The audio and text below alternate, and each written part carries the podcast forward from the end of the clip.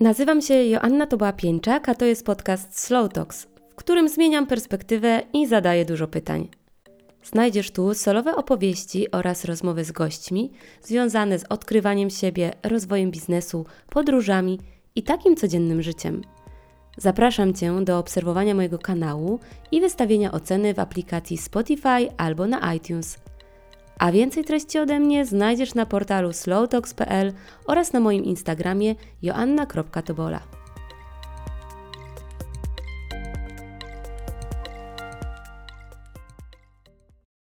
Rok temu, na początku maja, wraz z moim mężem Tomkiem Pięczakiem, zdecydowaliśmy, że nie chcemy, aby alkohol był dłużej obecny w naszych życiach. Na przestrzeni lat różną mieliśmy z nim relację. Od zabawy w nastoletnim wieku co utożsamialiśmy niestety z piciem alkoholu, poprzez bycie niezniszczalnymi na imprezach, piwko do meczu i kulturalne wino do kolacji, po detoksy i huczne powroty po nich. Czy nadużywaliśmy alkoholu? Myślę, że był regularnie obecny w naszym życiu. Czy umieliśmy z niego zrezygnować w każdej chwili? Tak, ale traktowaliśmy to jako wyzwanie. Teraz, po roku, alkoholu nie ma w naszym życiu i ten jego brak nie jest kolejnym wyzwaniem czy próbą. Nie tęsknimy i nie chcemy, by teraz nam towarzyszył. W sumie jego temat pojawia się tylko wtedy, gdy ktoś, czy wśród znajomych, czy w social mediach, zapyta nas, a skąd taka decyzja? No i ten odcinek będzie właśnie kolejną z naszych małżeńskich rozmów. Opowiemy skąd taka decyzja, zrobimy teleportację do przeszłości, żeby prześledzić naszą relację z alkoholem, opowiemy o tym, co zyskaliśmy i o tym, co być może straciliśmy. I odpowiemy na Wasze pytania, które pojawiły się u mnie na Instagramie. To będą nasze obserwacje, przemyślenia i refleksje. Natomiast po konkrety oparte o badania odsyłam Was do bardzo dobrego odcinka Asi Podgórskiej z podcastu Całkiem fajna audycja o tym, że każda dawka alkoholu wpływa źle na nasz organizm. Link zostawiam w opisie odcinka. Cześć Tomek. Witam Cię w Twoim podcaście Slow Talks. Cieszę się, że chcesz pogadać na ten temat i podzielić się Twoimi refleksjami, bo my nieraz już odbijaliśmy sobie myśli i patrzyliśmy na tą naszą decyzję.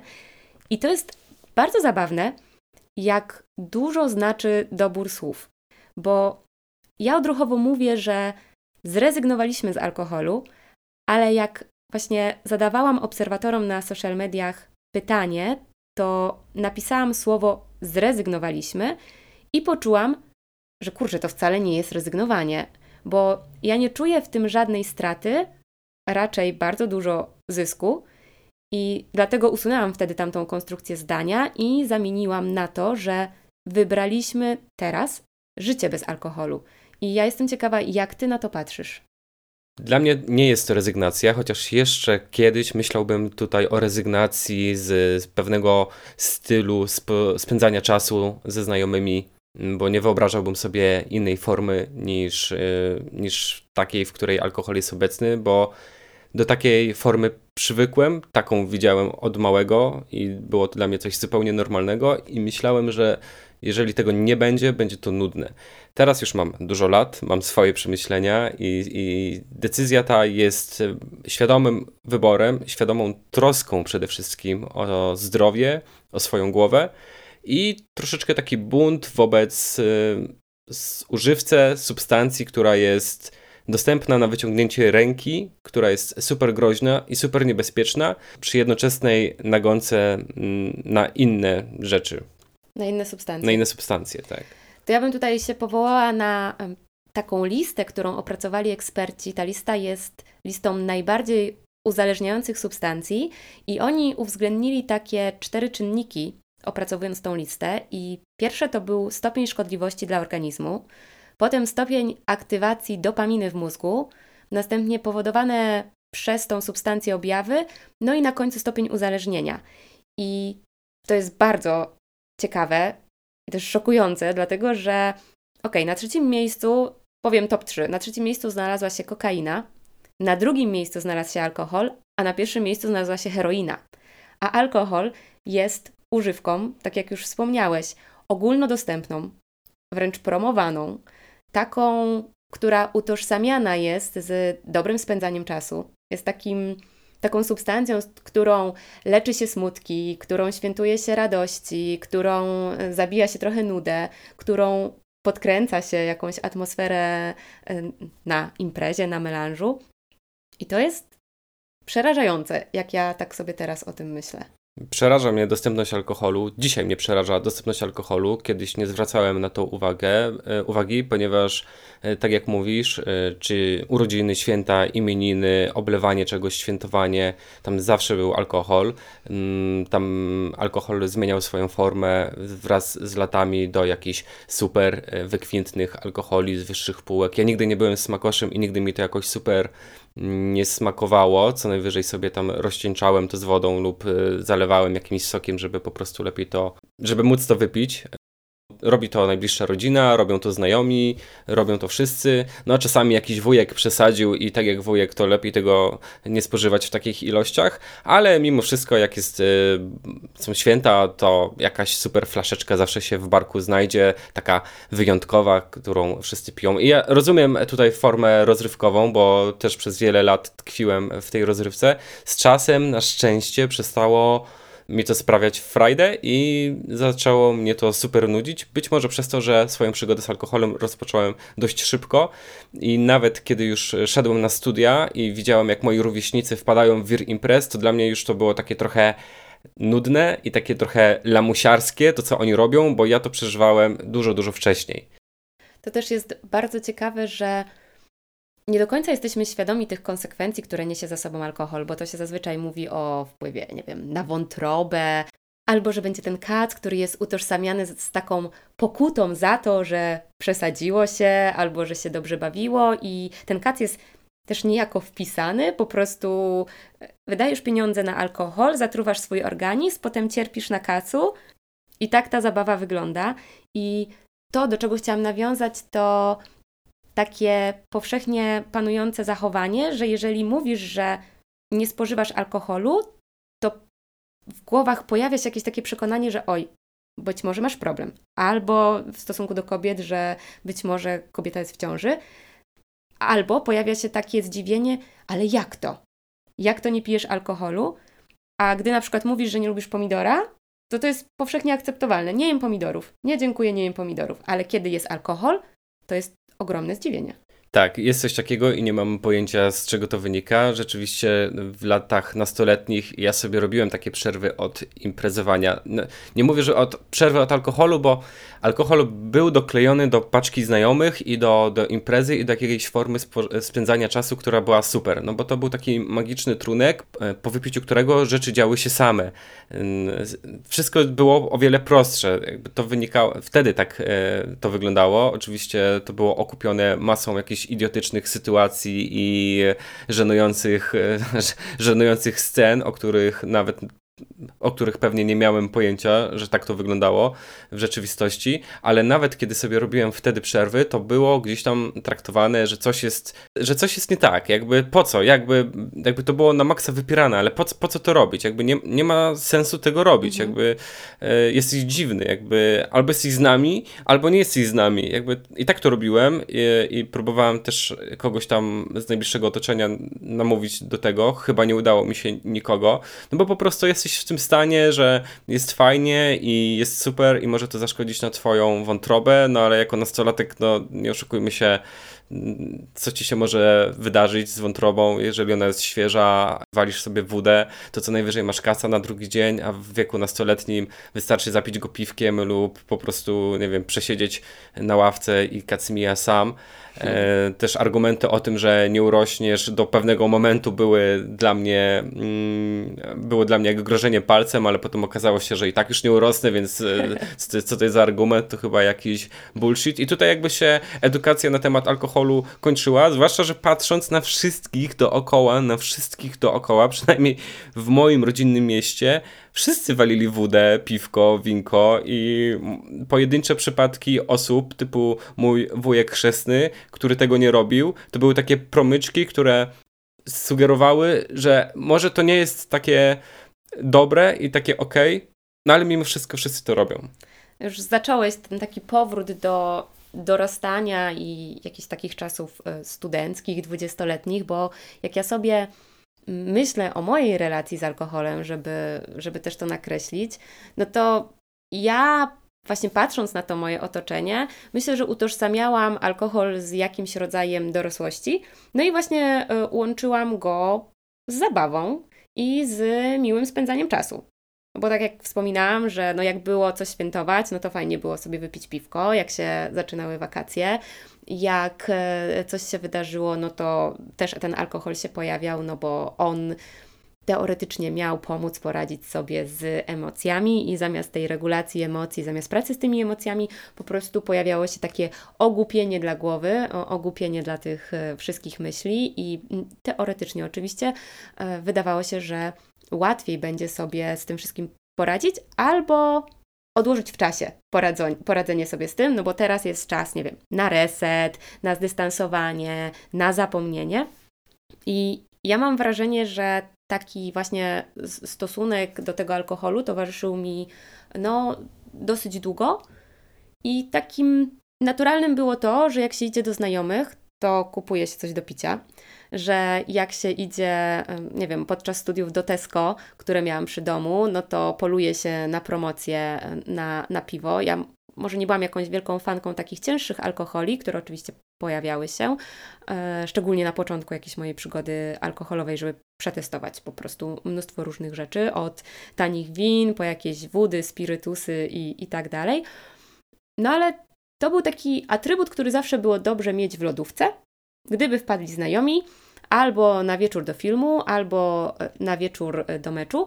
I ja pamiętam, jak my zaczęliśmy się spotykać, i ja gdzieś żyłam w tym trybie melanżowym od poniedziałku do piątku, przykładna praca, bieganie, fajne jedzonko, a piątek, sobota, imprezowanie, właśnie spore ilości alkoholu i w niedzielę regeneracja i w poniedziałek z powrotem mm, powrót do, do rzeczywistości, który często był okupiony właśnie takim dopiero odreagowaniem organizmu, jakimiś stanami lękowymi i po prostu takim słabszym e, samopoczuciem. I ledwo co moje samopoczucie zdążyło wyjść e, na taki lepszy tor, no to już była kolejna okazja do świętowania i kolejna okazja do melanżu. I to, co powiedziałam, że jak my się zaczęliśmy spotykać 9 lat temu i biegaliśmy w tamtym czasie, i bywało, że mieliśmy treningi czy w piątki wieczorem, czy, czy w sobotę mieliśmy na przykład jakieś takie rekreacyjne zawody, no to nagle się zorientowaliśmy, że można spędzać piątek bez alkoholu. Można spędzać sobotę bez alkoholu i jak to jest super obudzić się o 7-8 rano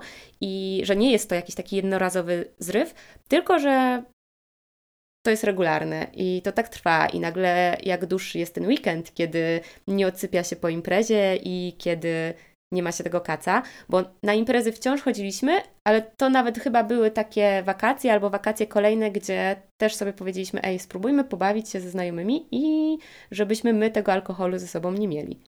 Czy chciałbyś jeszcze dorzucić coś do takiej właśnie tej swojej e, relacji z alkoholem na przestrzeni tych lat nastoletnich czy, czy potem studenckich?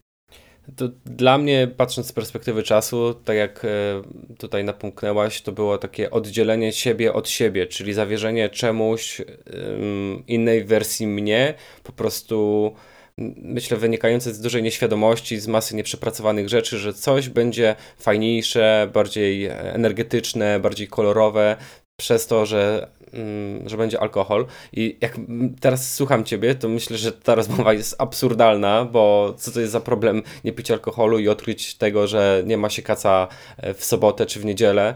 Mm, I ten kac był e, ten kac, dla mnie ten kac był takim, taką czerwoną flagą już e, bardzo dawno temu, ponieważ bardzo źle zacząłem bardzo źle znosić kacę.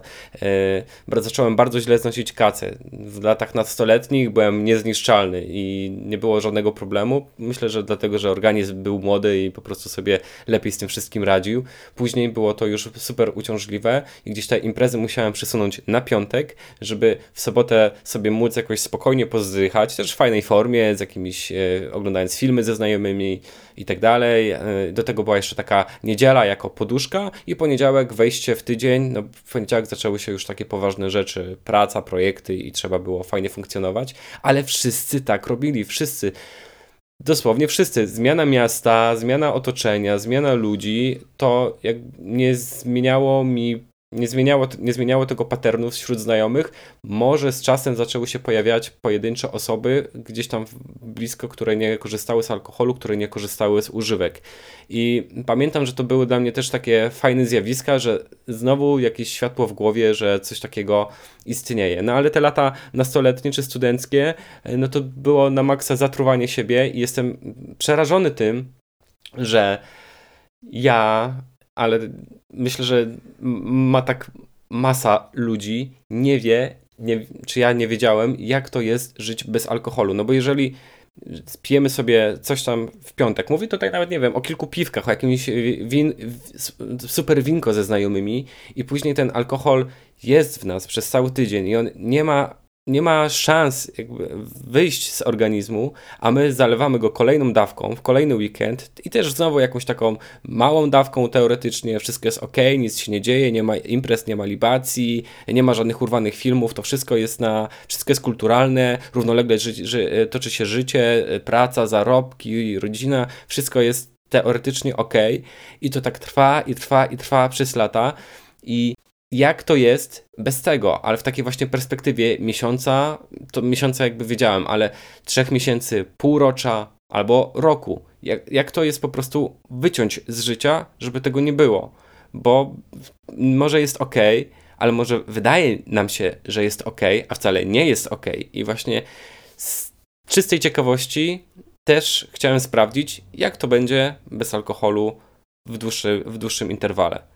Jak tak siebie słuchałam, to jeszcze mi się przypomniało, że jak sobie ja myślałam o tej mojej relacji z alkoholem, to na pewno było tam też to, że mm, to jedno piwko, lampka wina dodawały jakieś pewności siebie, czy dodawały jakieś odwagi. Myślę, że też w jakiś sposób zwracały uwagę na mnie, ponieważ e, e, byłam tą dziewczyną, która chętnie z chłopakami wychodziła e, na piwo, czy, czy po prostu trwała na, na imprezie dosyć długo. I to się głównie działo w takim momencie mojego zagubienia i, i tego, że właśnie, jak powiedziałeś, byłam taka odłączona od siebie i po prostu jakiegoś takiego złudnego przekonania, że, że ten alkohol, który było nieuświadomione, ono uważam, że było nieuświadomione, teraz dopiero tak na to patrzę, że po prostu to jest właśnie ta jakaś mm, magiczna substancja, która sprawi, że po prostu będzie mi lepiej, bo ja nie miałam problemu z nawiązywaniem kontaktów z byciem wśród ludzi, ale kiedy pojawił się ten alkohol, no to, to, to była jeszcze jakaś taka dodatkowa rzecz wzmacniająca. To, co powiedziałeś, że spokojnie mogliśmy sobie funkcjonować, odnosić sukcesy, wypełniać jakieś e, kolejne zadania, e, spędzać bardzo fajnie czas, budować jakościowe relacje, a z drugiej strony ten alkohol ciągle krążył w naszym organizmie, no bo jest potrzebny czas, żeby ten alkohol w organizmie się zmetabolizował. I to było takie mikrodozowanie tego alkoholu, takie podlewanie, że to wcale nie musiało kończyć się mm, nie wiadomo jakimi konsekwencjami zdrowotnymi, no bo wtedy to też tak z otoczenia pamiętam, ja akurat kacę znosiłam dobrze, co też było było, jakby byłam bardzo dobrze funkcjonującą osobą na kacu, ale mm, pamiętam, że w momencie, kiedy ktoś miał taki trudniejszą relację z alkoholem i, i bardzo trudny czas y, po imprezie, no to było nie, koniec, odstawiam, nie piję, aż do kolejnej imprezy. Albo po kolejnych dwóch, trzech miesiącach, dwóch, trzech tygodniach gdzieś tam się o tym zapominało i, i wracało do tego schematu. I e, My już tutaj wspomnieliśmy tak między sobą, wracając do tego dzieciństwa, o tym, że no mówiło się, że właśnie nie urośniesz, albo że ta wątroba często wspominana, że to często o tej wątrobie się mówiło, która myślę, że dla osób młodych jest takim abstrakcyjnym narządem. Nie wiedziałem, czym jest wątroba. Miałem, byłem dzieckiem. Jaka wątroba? Co to jest wątroba? Gdzieś może w książce widziałem, a co, co to jest.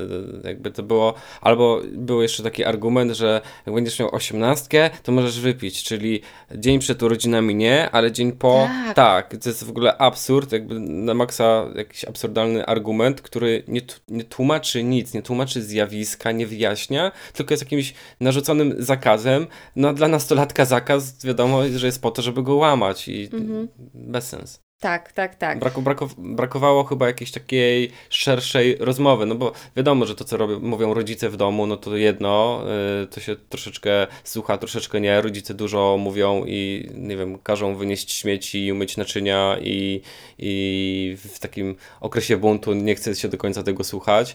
Yy, no ale wychodząc z domu, czy nawet idąc gdzieś, nie wiem, do, do cioci na imieniny, ten alkohol dalej był i dalej był akceptowalny i to było ok, więc z jednej strony słyszymy, że jest jakaś wątroba i po 18 możesz wypić, a z drugiej strony yy, jedziesz, nie wiem, do cioci do Niemiec i tam już alkohol można pić od 16 e, roku życia i możesz sobie na legalu yy, walnąć piwko.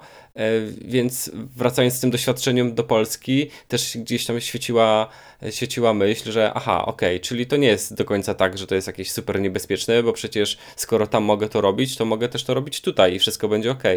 Tak, to w ogóle ustawił tą granicę, że to akurat ta osiemnastka jest taką, nie wiem, nabywamy jakąś, nasz organizm jakiejś magicznej odporności e, nabywa.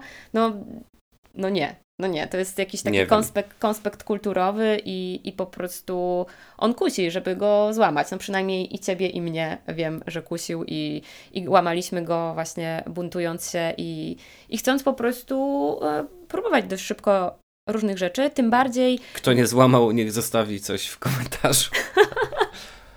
zrobimy, zrobimy, teraz można ankiety robić, to zrobimy ankietę. Okay, okay. Zrobimy ankietę. O, to ciekawe. I, no, tak, tak, też jestem ciekawa. Jak wiele osób przed 18 rokiem życia nigdy nie spożyło alkoholu. W każdym razie chciałam jeszcze powiedzieć, że wiesz, oglądasz serial, tu winko do kolacji, tutaj spotkanie ze znajomymi przy alkoholu. Nie wiem, jak jest teraz, ale, ale że ten alkohol jest takim... Mm, takim gralem kultur kulturowym, który jest wszechobecny. I on po prostu gdzieś tam e, pojawia się wszędzie. I ja chyba dopiero zaczęłam też to tak zauważać, jak przestaliśmy ten alkohol tak świadomie pić. Zaraz powiemy, skąd ta nasza decyzja, bo to też jest e, bardzo ciekawe, jakie założenia pojawiają się, kiedy mówimy, że tego alkoholu nie pijemy, no ale on jest wszechobecny jest wszechobecny i jest takim naturalnym atrybutem y, dobrego czy złego dnia. I teraz, zanim oddam Ci głos, żebyś Ty opowiedział swoją perspektywę, skąd taka decyzja pojawiła się w zeszłym roku u nas w maju, to ja bym tylko chciała przywołać taki fragment a propos wpływu alkoholu na nasz układ nerwowy, bo po spożyciu etanolu spowolnione zostaje działanie neuroprzekaźników, a taki rosnący poziom dopaminy, który się pojawia, daje nam taki, takie złudne uczucie odprężenia, wiem, zadowolenia. I w międzyczasie nasza tkanka mózgowa zaczyna się kurczyć i ulegać destrukcji. A to w konsekwencji przyczynia się do znacznego zmniejszenia poziomu sprawności umysłowej, no bo tak bardzo obrazowo mówiąc, po prostu pijąc alkohol zaczynamy wybijać nasze neurony. I to była jedna z większych motywacji, jaka, jaka wpłynęła na niepicie alkoholu na mnie w zeszłym roku. Kiedyś, jeszcze nawiążę do tego, że mówiłaś o tym, że idziemy do znajomych, pijemy sobie, kupujemy jakieś wino. Y, ja sobie zrobiłem taki przesiew w życiu ludzi, z którymi spotykam się tylko po to, tylko na piwo. Bo okazało, okazało się, i to było dość szorstkie, zwłaszcza mając sam lat dużo mniej niż mam teraz, że niektórzy koledzy są po to, żeby się po prostu, e, no żeby spędzić z nimi melanż, no ale poza tym nie mamy relacji, nie możemy na siebie liczyć, za bardzo nie wiemy co u siebie, po prostu siedzimy na ławce i, i czas płynie i każdy gdzieś tam odlatuje w swojej głowie. Ja nie mam pojęcia, czym rozmawialiśmy. Nie mam pojęcia, czy te rozmowy dokądś prowadziły, czy to właśnie nie polegało na tym, że każdy sobie odlatywał gdzieś tutaj na swojej bani, w swoje wszechświaty, no i potem szliśmy spać do domu i spotykaliśmy się za parę dni znowu w tym samym miejscu, robiąc te same rzeczy. Więc kiedyś już sobie zrobiłem taki przesiew ludzi, z którymi, z którymi nie mam o czym rozmawiać i z którymi nie mam styczności poza tym światem e, imprezowo-alkoholowym i nie tylko alkoholowym, no ale tym takim imprezowym. I gdzieś musiałem sobie popatrzeć w lustro i spojrzeć w oczy i powiedzieć, no, że to nie jest to, co warto pielęgnować i niestety trzeba tutaj odciąć e, niektóre osoby, co często jest też bolesne, bo one są długo w naszym życiu i wydają się niezastąpione i tak dalej. E, druga sprawa a, a propos tego mózgu, e, to jest coś, co co mnie najbardziej przybiło, że rzeczywiście starzejemy się, grożą nam jakieś w przeszłości choroby, demencje, problemy z mózgiem, z myśleniem. Fajnie byłoby mieć go na jakimś świeżym, e, bystrym poziomie utrzymany cały czas. Nadal y, chce się czegoś uczyć, nadal chce doświadczać jakichś rzeczy i może fajnie byłoby to, by głowę od, odmulić od rzeczy, które na nie źle szkodzą. I o ile argument nad, o tym, że alkohol szkodzi wątrobie jakoś nie przemawiał do mnie, o tyle argument mówiący o tym, że wybija neurony, był dla mnie szokujący. Y, I być może słyszałem o tym kiedyś wcześniej, ale tego nie rozumiałem albo nie chciałem tego słyszeć, ale to była taki, taka lampka zapalna, że okej, okay, dobra, ja nie chcę iść w taką stronę, ponieważ chcę rozwijać swój mózg w zupełnie innym kierunku. Wtedy podjąłem kroki, mm, które mm, no, zwiększały pracę mózgu, jakby zwiększały, dawały nadzieję, znaczy, które podjąłem kroki, które mm, podjąłem kroki w kierunku lepszej pracy mózgu, zwiększania połączeń neuronalnych. Nie jestem w stanie tego wytłumaczyć y, na płaszczyźnie naukowej, biologicznej. Po prostu wyciągnąłem pewne wnioski od ludzi mądrzejszych ode mnie i zacząłem to wdrażać na różnych płaszczyznach. Czy to nauka gry na instrumencie, czy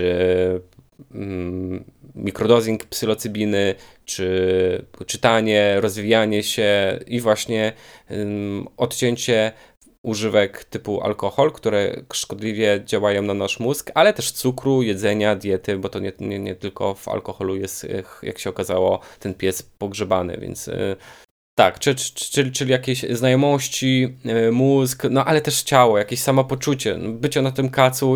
Dla, dla mnie kac już, y, dla, u mnie kac zaczął się pojawiać już po jednym, dwóch piwach na wieczór. No jedno piwko do pizzy to naprawdę w moim wyobrażeniu już nie było wiele. Dwa jeszcze też nie, ale na drugi dzień czułem się opuchnięty, czułem się spuchnięty.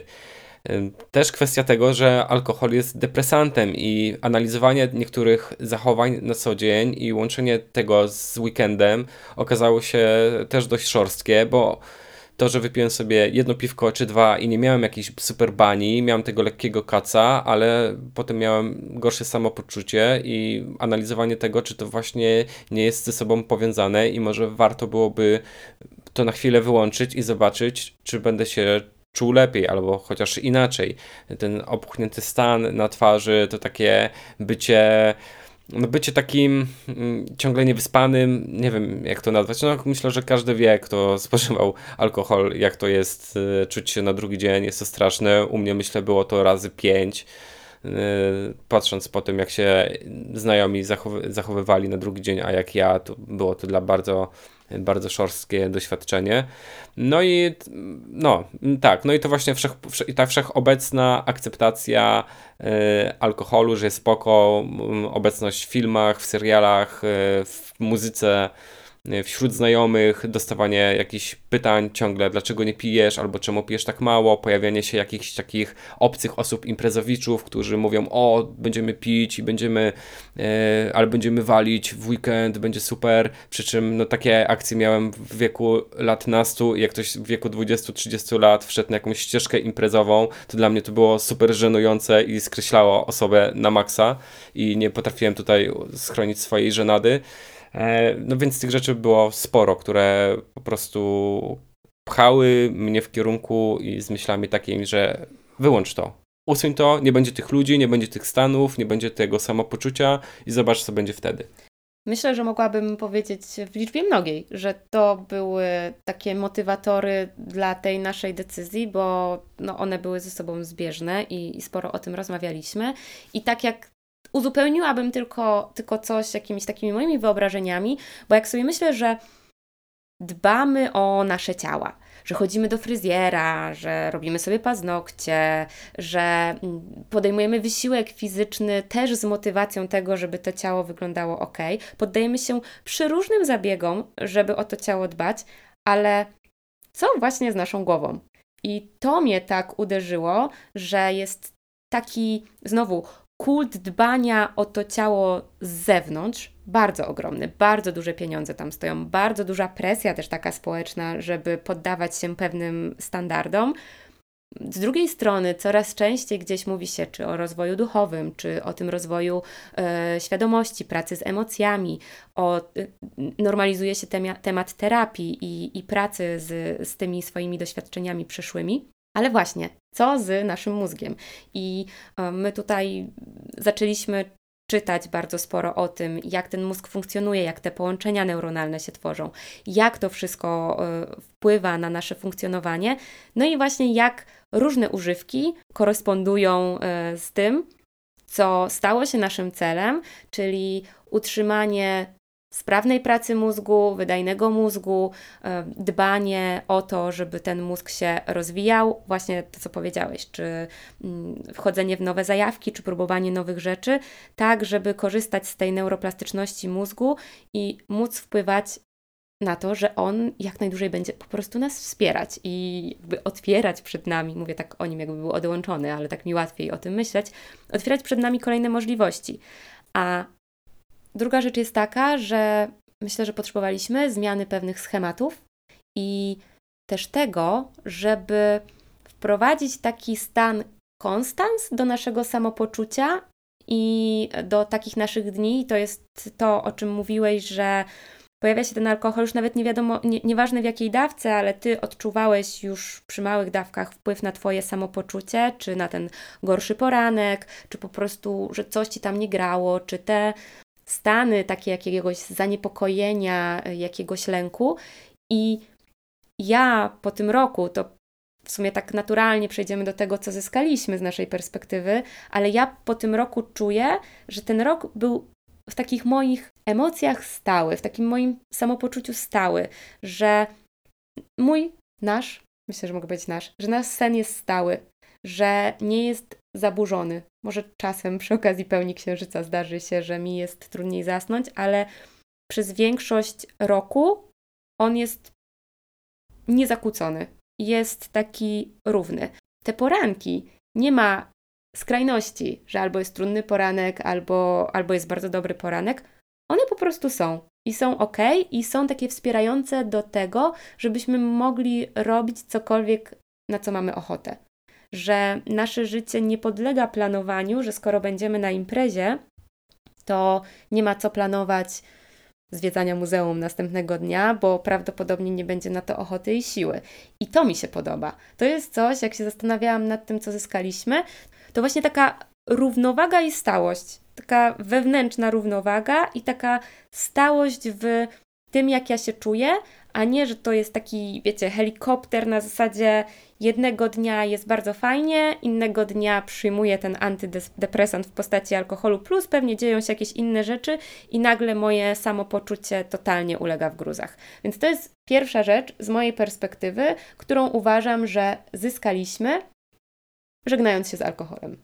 Co Twoim zdaniem zyskaliśmy? Tak, dla mnie ta stałość, to czucie się cały czas dobrze na tym samym poziomie. To jest yy, super rzecz. Brak poczucia żenady, że nie wiem, siedziałem gdzieś i już nie było fajnie, ale sobie siedzieliśmy i jeszcze jedno piwko i to to piwko nas trzymało. Nie, nie gadka, nie to, że było super, tylko właśnie, że coś jest na stole i trzeba to wypić do końca. No, teoretycznie można odstawić, no ale jeszcze po jednym, jeszcze coś i wtedy się rozchodzimy i w sumie nic się nie dzieje, z tych rozmów nic nie wynika i jest takie blech. Jakby zamiast tego pojawiają się relacje i sytuacje, gdzie siedzimy sobie i alkohol nas nie spaja i po prostu kiedy przestajemy rozmawiać, kiedy nam się nie chce rozmawiać, to się rozchodzimy do domu i super są sytuacje, kiedy po prostu nie możemy się z kimś nagadać, bo jest tak fajnie, ale jesteśmy w tym samym stanie świadomości, jesteśmy trzeźwi.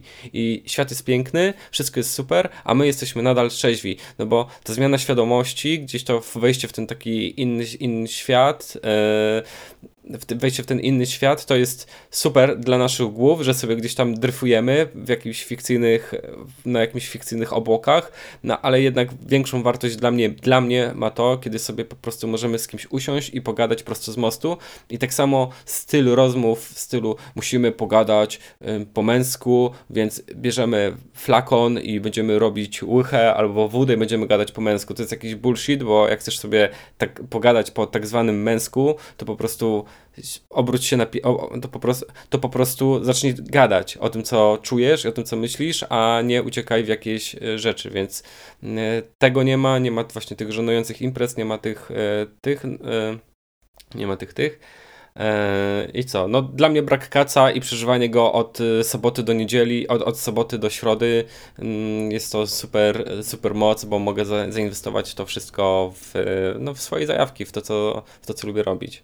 Ty fajną rzecz przed nagraniem powiedziałeś, że tak z Twojej perspektywy trudno Ci jednoznacznie przypisywać e, wybraniu życia bez alkoholu e, to, że te, te zyski, które odnosimy przez ostatni rok, które widzimy, dlatego że no dużo wzmacniających rzeczy działo się przez ten ostatni rok i, i my też w różnych obszarach wykonaliśmy e, różne prace, więc to też nie jest tak, że to jest jednoznacznie połączone tylko i wyłącznie z tą decyzją. Ale to, co jeszcze tak z takiej praktycznej strony, myślę, e, warto powiedzieć, to też jest e, kwestia budżetu.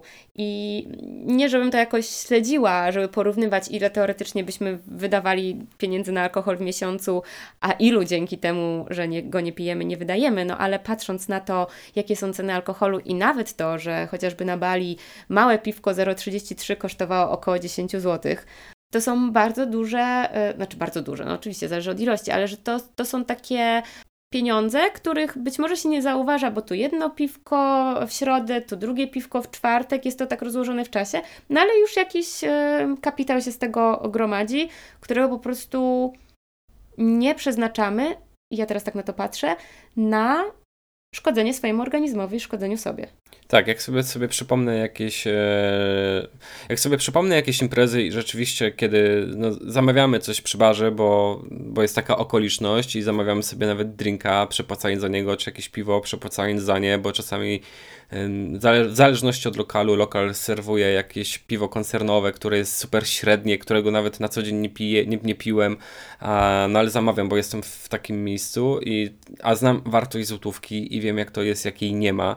I przepłacanie na alkohol to była taka rzecz dla mnie taka, o Jezu, żenujące, takie, że nie chcę tego robić. Przy czym też nigdy nie byłem smakoszem. Mi alkohol nie smakował i nie umiałem, do, nie umiem docenić smaku wódki. Mam znajomych, którzy rozróżniają smak wódki, potrafią go ocenić i czy whisky, czy wina, no wina może najbardziej piwo, w piwie się jeszcze jakoś, za piwo potrafiłem jeszcze zapłacić więcej, żeby one smakowało inaczej, ale to są dla mnie takie rozrywki, że może tego nie być i będąc na jakiś, w jakimś, nie wiem, średniej jakości lokalu, bo po prostu tam się gdzieś umawiamy z jakimiś ludźmi, zamawiając jakieś rzeczy do picia alkoholowe i przepłacając razy pięć czasami e, za coś, co nie jest nawet dobre i nie jest fajne, to było takie zawsze dla mnie na drugi dzień, ja żenujące, że fajnie byłoby wyjść na obiad, zamówić coś do jedzenia, zamówić jakąś kombuczę, nie wiem, albo sok wyciskany.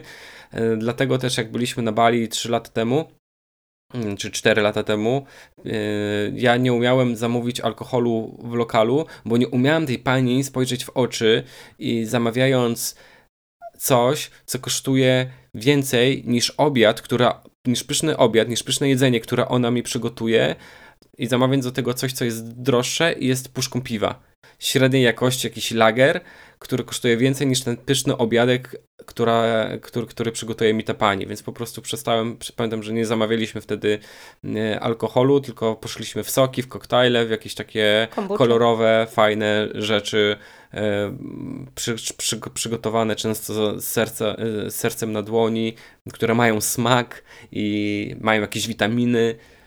A czy z Twojej perspektywy coś straciliśmy podejmując tą decyzję?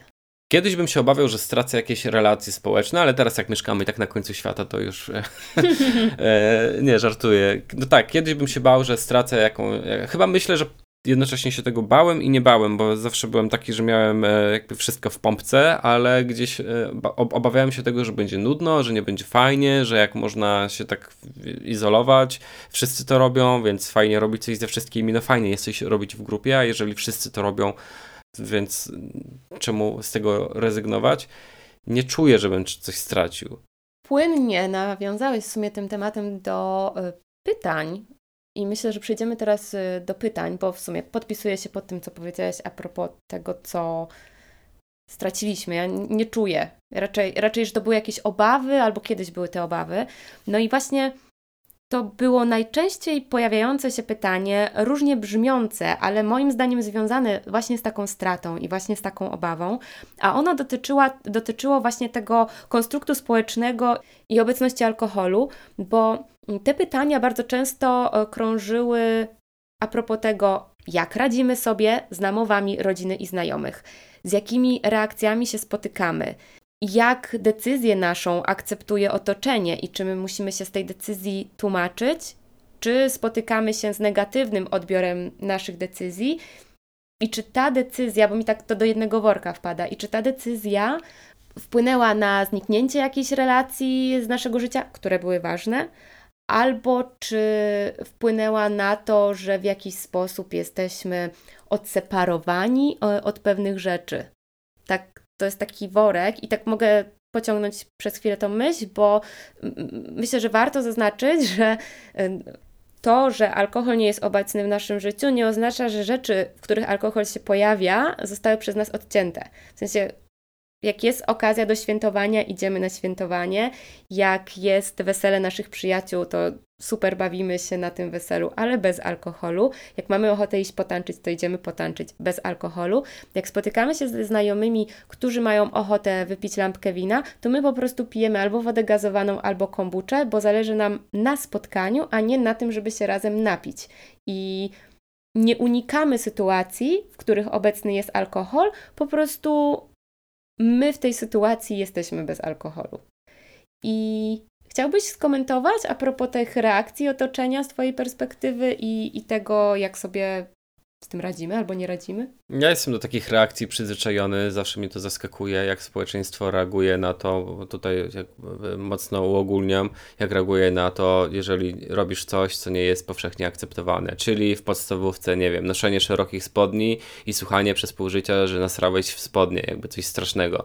Później słuchanie, czemu nie jesz mięsa. Czasami to są pytania zadawane z ciekawości, czasami z jakimś przekąsem, tutaj już jakby kwestia wyczucia intencji tej osoby, która pyta. Oczywiście, jeżeli ktoś E, wbija szpilkę. Ja nie mam tutaj chęci edukatorskich i tłumaczenia komuś, czemu tak się dzieje, po prostu nie muszę się z tego tłumaczyć. Jeżeli ktoś jest zainteresowany i takich reakcji było mm, wiele, jeżeli chodzi o spożywanie alkoholu. Może dlatego, że mm, nie wiem, towarzystwo, towarzystwa, w których się obracamy, to są spoko ludzie ciekawi i ludzie. ciekawi ludzie świata i zadają pytania w fajny sposób, bo często też spyta, czy słyszałem, że no w sumie też bym chciał, chciała spróbować jak to jest. Ja też nie chcę być tutaj jakimś mędrcem, po prostu mogę dać swoje, swój przykład, e, swój przykład i, i dać to jako przykład dla E, żeby ktoś mógł sobie odbić to do swojego życia.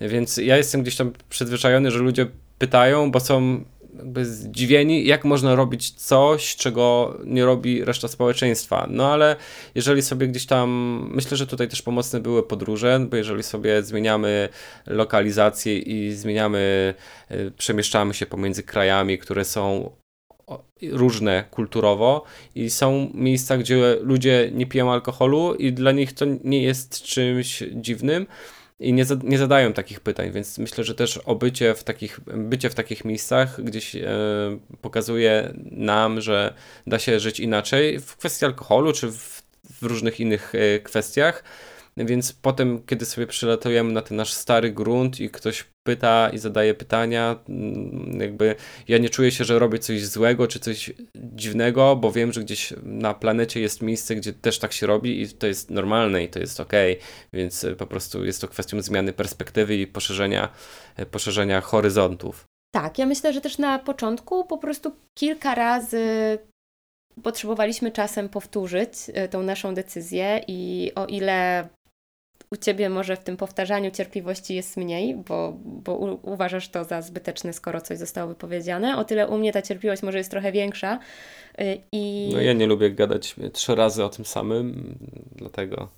Tak, a ja a, ty, ja lubię gadać. A ty lubisz gadać. a, ja, a ja lubię gadać i, i po prostu wiem też, też to wiesz, ale że czasami, czasami jednorazowy komunikat nie wystarczy, więc to też sprowadzało się do tego, że kiedy na przykład pojawialiśmy się w jakimś miejscu i proponowano nam alkohol, po prostu go odmawialiśmy. I czasem za tym szło pytanie o, albo stwierdzenie o, czyli nadal, e, i zupełnie nie czuliśmy potrzeby, żeby, żeby tłumaczyć z tej naszej decyzji albo argumentować ją, nie, to do końca życia, albo nie, mamy wyzwanie, czy cokolwiek, tylko po prostu no, myślę, że właśnie z racji tego, jakimi ludźmi się otaczamy, jakie mamy relacje, to nie spotkaliśmy się z negatywnymi reakcjami, czy z namawianiem, czy z wyśmiewaniem tej naszej decyzji, tylko właśnie bardziej z tą ciekawością, yy, lub po prostu parę razy musieliśmy wspomnieć o tym, że taką mamy decyzję i że nie robimy, nie robimy w tym wyjątków, bo takie pytania też się pojawiły. Z jednej strony komentarz, że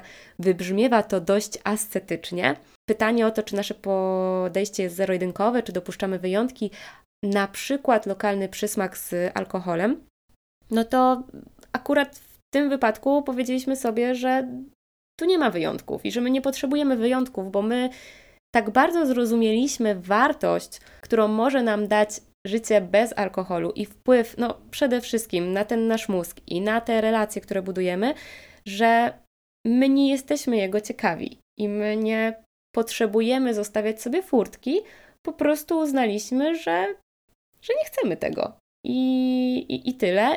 Co ważne, Mm, jak to w wielu naszych decyzjach, nic nie jest na stałe, więc być może za rok będziemy nagrywać odcinek podcastu, dlaczego wróciliśmy do alkoholu. To też nie jest tak, że my mówimy do końca życia taką postawę będziemy mieli, tylko po prostu w tym momencie naszego życia, na tu i teraz, nie chcemy, by ten alkohol był w nim obecny. To jeszcze nawiązałabym Jestem ciekawa Twojej perspektywy na to, bo tutaj ktoś taki komentarz zostawił, że nie potrzebuje alkoholu, ale potrzebuje ludzi, którzy alkohol piją. Jak pogodzić różnice spotkań? Potrzebujesz ludzi, którzy piją alkohol, żeby byli pijani? To co z nimi robisz? E, myślę, że to jakby, no nie wiem, to jakby z mojej perspektywy nie jest to żadnym problemem. Idziesz do ludzi, którzy piją alkohol i, i go nie pijesz i czasami miałem wrażenie, jakbym był w tym samym stanie co inni ludzie na melanżu, mimo że byłem trzeźwy. I jeżeli oni zaczęli robić jakieś bardziej odpalać wrotki, to mi się to, to też jakoś udzielało i nie musiałem być pijany, jakby. Myślę, że jest to ok. A czasami to też było super żenujące i po prostu może warto zderzyć się z rzeczywistością i zobaczyć, e, jak niektóre osoby się zachowują i po prostu docenić to, że samemu się tak y, nie zachowujemy, albo zweryfikować pewne rzeczy i popatrzeć na to z innej perspektywy. Myślę, że najłatwiej jest spróbować i w piątek pójść na trzeźwy, trzeźwy na imprezę i zobaczyć, jak to działa. Tak, też nie demonizować tak skrajnie, w sensie z naszej perspektywy alkohol nie jest czymś dobrym i wolelibyśmy, żeby go było zdecydowanie mniej w przestrzeni publicznej i żeby była zdecydowanie mniejsza akceptacja na to, jak on towarzyszy y, w życiach po prostu wielu z nas. No ale z drugiej strony Właśnie, po prostu fajnie, fajnie zobaczyć też, jak ty sama się będziesz sam sama y, czuł w sytuacji, kiedy, kiedy pojawisz się w przestrzeni, gdzie tego alkoholu nie ma, bo my tak właśnie zaczęliśmy zmieniać pewne schematy naszych relacji, które były oparte na przykład o to, że ten alkohol towarzyszy spotkaniom, czy nawet symbolicznie, czy większej, większej dawce sporadycznie.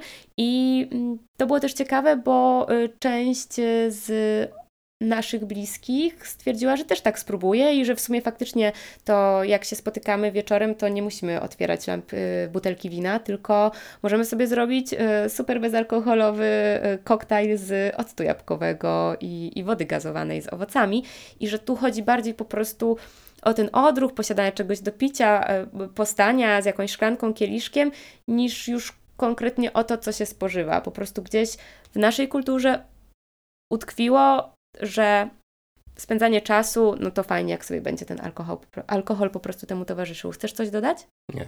Okej, okay, bo tak patrzyłam, nie, że kiwasz nie. głową. Było też takie pytanie, jak namówić partnera do zaprzestania picia okazjonalnego, ale jednak y, unika badań, jak rozumiem, że unika badań swoich zdrowotnych. Ja nie wiem, jak namówić partnera, bo wydaje mi się, że w jakimkolwiek temacie wszelkie namowy, jeżeli to właśnie sprowadza się do tej motywacji zewnętrznej, mogą skończyć się niepowodzeniem, że to, to jest coś, co potrzebuje, żeby wybrzmiało od środka. Oczywiście mogą być wspierające jakieś badania, jakieś głosy ludzi, którzy ekspercko podchodzą do tego, jakieś głosy ludzi, którzy doświadczyli pewnych zmian, być może jakaś próba i przetestowanie, zrozumienie, co się za tym kryje, dlaczego ktoś nie chce odstawić alkoholu, no bo bardzo często też w momencie, kiedy my mówimy, że nie pijemy alkoholu i że traktujemy to zero-jedynkowo, pojawia się mm, taki komentarz, e, tak, tak, ale no mm, ja nie chcę odmawiać sobie takiego, takiej lampki wina do makaronu, nie chcę sobie odmówić takiej przyjemności, że jak jest gorąco, jestem w Barcelonie, wypicia tego jednego piwka, że to nie są duże ilości. Jakby spoko, my rozmawiając o niepiciu alkoholu nie oceniamy innych decyzji, my po prostu wewnątrz zrozumieliśmy, że nie chcemy mieć do czynienia z jakąkolwiek dawką.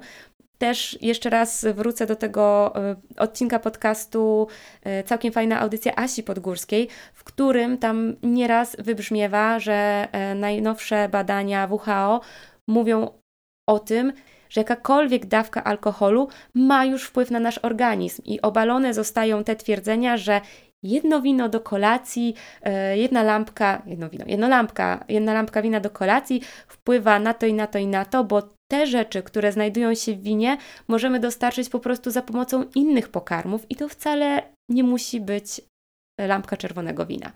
Ty chciałbyś coś dodać a propos tego, jak namówić partnera? Nie, nie mam pojęcia, po prostu porozmawiałbym super szczerze, powiedział, dlaczego jest to dla mnie ważne i dlaczego bardzo mi na tym zależy i co mi w tym przeszkadza i jakaś, nie wiem, może mm, próba wspólnego mm, powalczenia z tym, jeżeli to jest jakimś problemem, albo po prostu próba zobaczenia, jak jest bez tego. No, na tym chyba polega partnerstwo, że się jakoś sobie razem żyjemy, rozumiemy się i myślę, że tutaj e, druga strona może zostać wciągnięta do zabawy i chociaż spróbować e, nie odwracać się plecami, mhm. jeżeli to dla drugiej strony, dla tej pierwszej strony jest ważną kwestią. A czy stosujemy jakieś zamienniki alkoholowe, piwa, wina i jeśli tak, to w jakim celu? Byliśmy ze znajomymi w e, lokalu z winem, gdzie serwowało się wino i przekąski, no i zamówiliśmy sobie kombuczę. Bo siedzieliśmy sobie przy stole i no i też chcieliśmy wypić coś pysznego, ale bez alkoholu.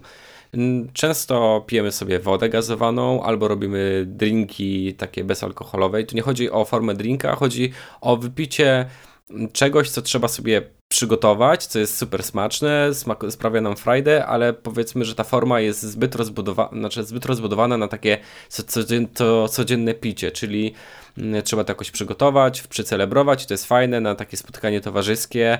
E, tutaj, tutaj jest taki tip, jeżeli na początku brakuje komuś alkoholu, to warto zainwestować w jakieś rzeczy gazowane, bo wtedy nie wypijamy ich jak soku tak na raz, tylko sobie tak jak piwo, tak jak wino, pijemy małymi, małymi łykami, ponieważ gdzieś to nas tak e, drapie w gardło i powoduje, że sobie to sączymy, a nie zapijamy się tym jak wodą.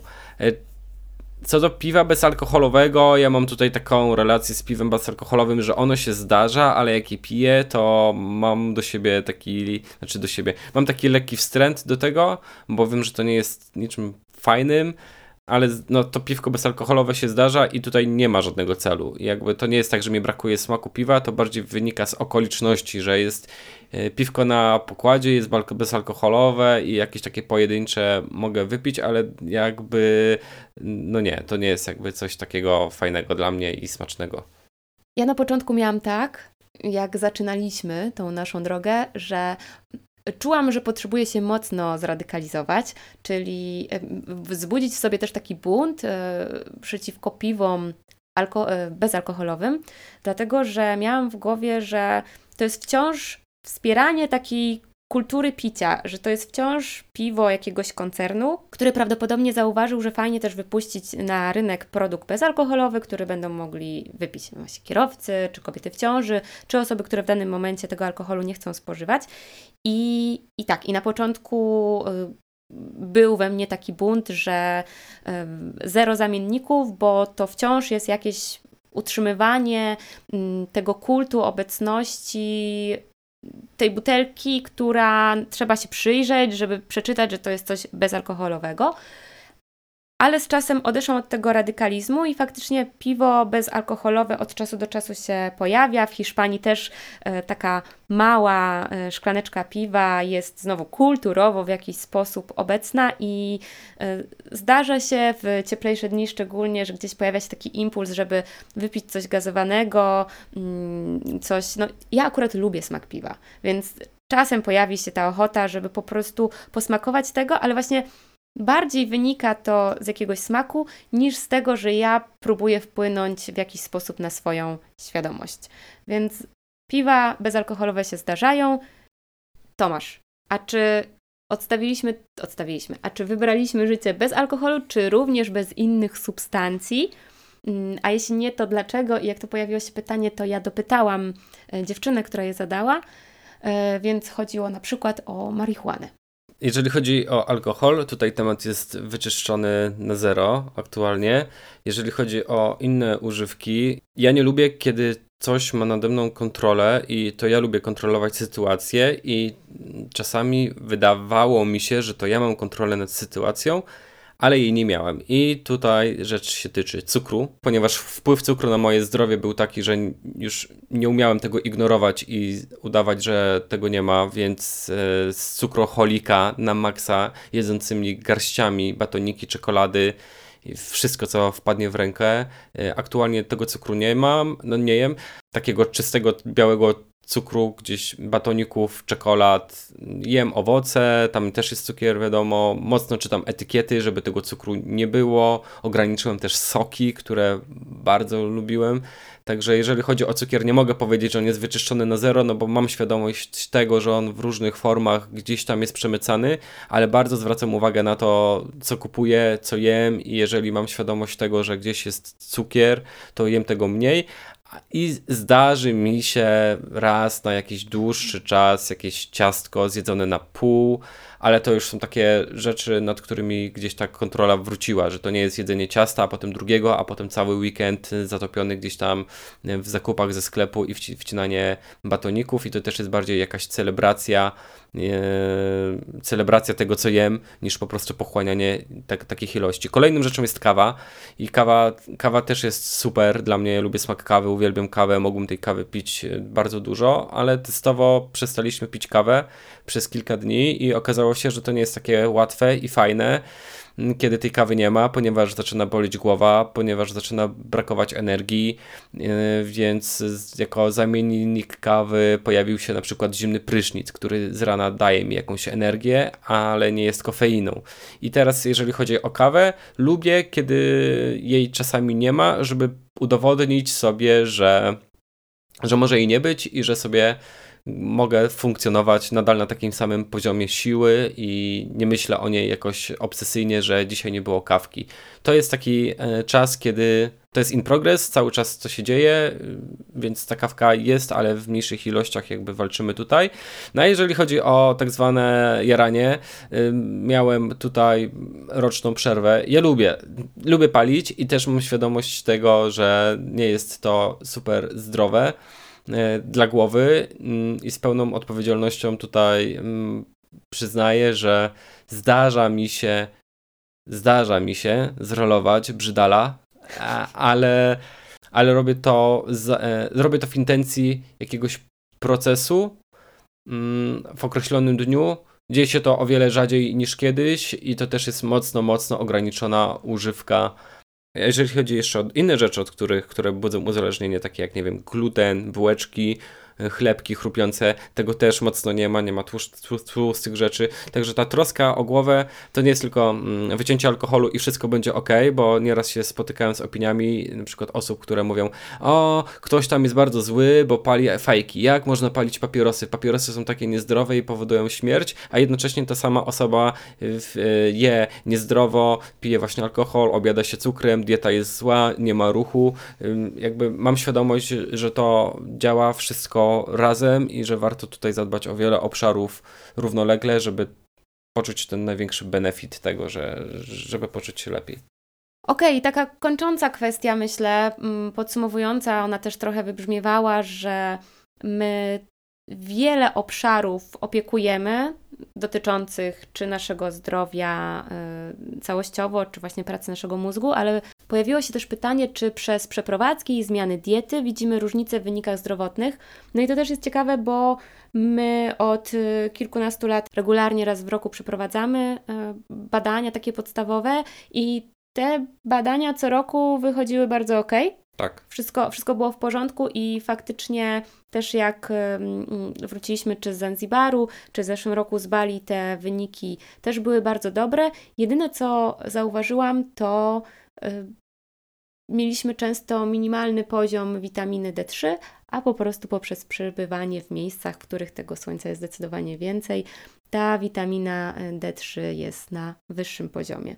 Ale tak poza tym myślę, że przez większość naszego związku e, staramy się dużo rzeczy wplatać, które wpływają na nasze zdrowie. Z drugiej strony też przez lata trochę niweczyliśmy te starania tym, że był obecny alkohol i tak na to teraz patrzymy i tak jak powiedziałam, w tym momencie, na tu i teraz, nie chcemy, by ten alkohol był obecny w naszych życiach i jest nam z tą decyzją bardzo dobrze. Jest to też rodzaj inwestycji w przyszłość.